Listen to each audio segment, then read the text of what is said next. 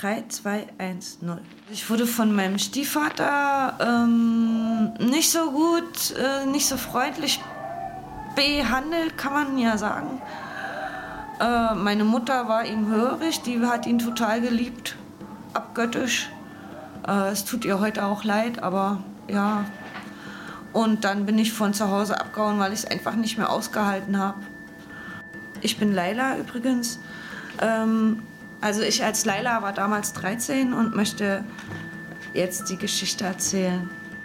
Ich bin auf das, in eine benachbarte Stadt auf die Schule gegangen und dort gab es ein paar Leute, die waren so ein bisschen autonom drauf. Und da gab es so ein paar alte Backstein-Abrisshäuser am Bahnhof in Ilmenau. Und da haben wir von einem Haus äh, einen relativ intakten Dachboden besetzt. Das war das Dabo, genau. Das war unser Dabo, Dachboden. Und ein paar Leute haben sich eine Matte ausgelegt und haben da Breakdance geübt. Ein paar Leute haben Gitarre gespielt. Es wurde ab und zu mal gekifft. Und das Essen wurde geteilt, die Zigaretten wurden geteilt. Es haben einfach nette Leute sich zusammengetroffen und haben äh, eine nette Zeit miteinander verbracht. Und ja, immer wenn ich Stress zu Hause hatte, habe ich halt da übernachtet. Irgendwann ging es so weit, dass das Jugendamt gesagt hat, äh, wir müssen dich hier rausholen von zu Hause. Oder du kannst hier raus. Oder es ist das Beste für alle, wenn du nicht mehr zu Hause bist. Dann war ich bei einer tollen Pflegefamilie in einem Nachbarort von Ilmenau. Die haben allerdings nur auf Zeit aufgenommen, also immer für Bedarfsfälle. Da musste ich dann relativ schnell ausziehen, da war ich sehr traurig drum. Dann bin ich in eine Pflegefamilie gekommen mit zehn Kindern. Die hatten zehn Pflegekinder und haben davon ihr Leben finanziert. Ich habe irgendwie so eine kleine Abstellkammer als, als Kinderzimmer bekommen. In der Familie habe ich mich nicht wohl gefühlt. Ja, und mit 14 bin ich dann nach Berlin gekommen. Also mein Stiefvater hat sich das Leben genommen, als ich 14 war, glaube ich, ja. Und mit meiner Mutter und mit meinen Geschwistern, das hat aber dann auch in Berlin nicht geklappt. Und dann war ich halt in Berlin on the road, in der Nähe vom Bahnhof Zoo auf dem Breitscheidplatz.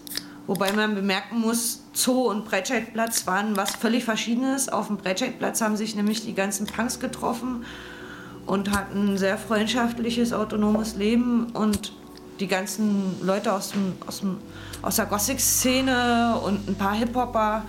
Und am Zoo waren halt wirklich die Leute, die auf den Strich gegangen sind und die Drogendealer und die Druffis, die halt total drauf waren. Also es waren zwei unterschiedliche Szenen, aber man kannte sich natürlich vom Vorbeilaufen. Genau, und als ich 18 geworden bin, habe ich mir geschworen, dass ich nie wieder jemand nach Geld frage, also nie wieder schnorren gehe. Und das habe ich bis heute auch durchgehalten. Ich bin jetzt 36.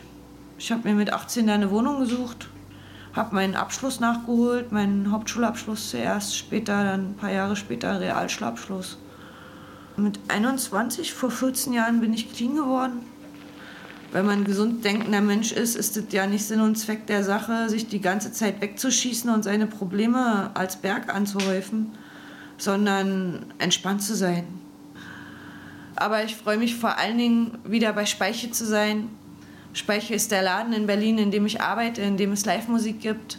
Ich äh, arbeite äh, dort als Putzmädchen, ich arbeite hinterm Tresen, ich arbeite ehrenamtlich, weil ich schon Rente bekomme. Also wenn man so ein bisschen ein paar psychische Probleme hat und ein paar körperliche und dann auch noch vom Arbeitsamt abhängig ist, dann kann es passieren, dass die ein medizinisches Gutachten machen.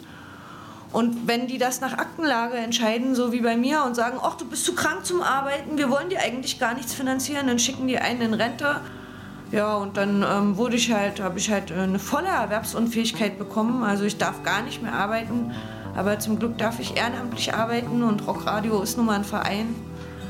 Und jetzt muss ich auch Angst haben, äh, dass meine Wohnung mir flöten geht, weil dadurch, dass ich hier bin, kann ich ja nicht zum Amt gehen und sagen, oh Leute, hier, ähm, wie sieht's aus? Ich brauche Geld. Ähm, viele Menschen landen auf der Straße und ich habe jetzt Angst davor, hier sitzen und mein ganzes Leben verlieren. Ich finde das unglaublich. Und ich fühle mich ohnmächtig. Ja. Aber habe Hoffnung. Aber ich habe noch meine Hoffnung. Man kann alles verlieren im Leben. Aber die Hoffnung, die darf man nicht aufgeben.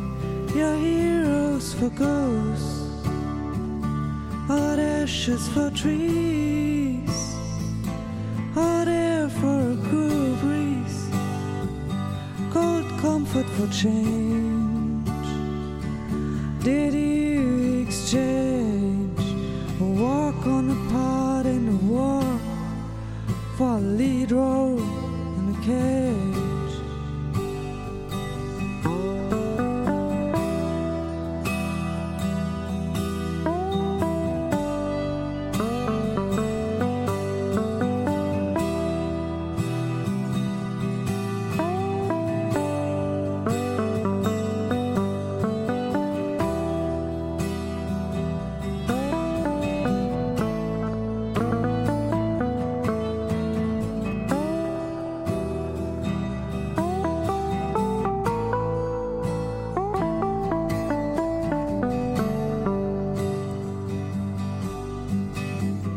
How I wish, how I wish you were here.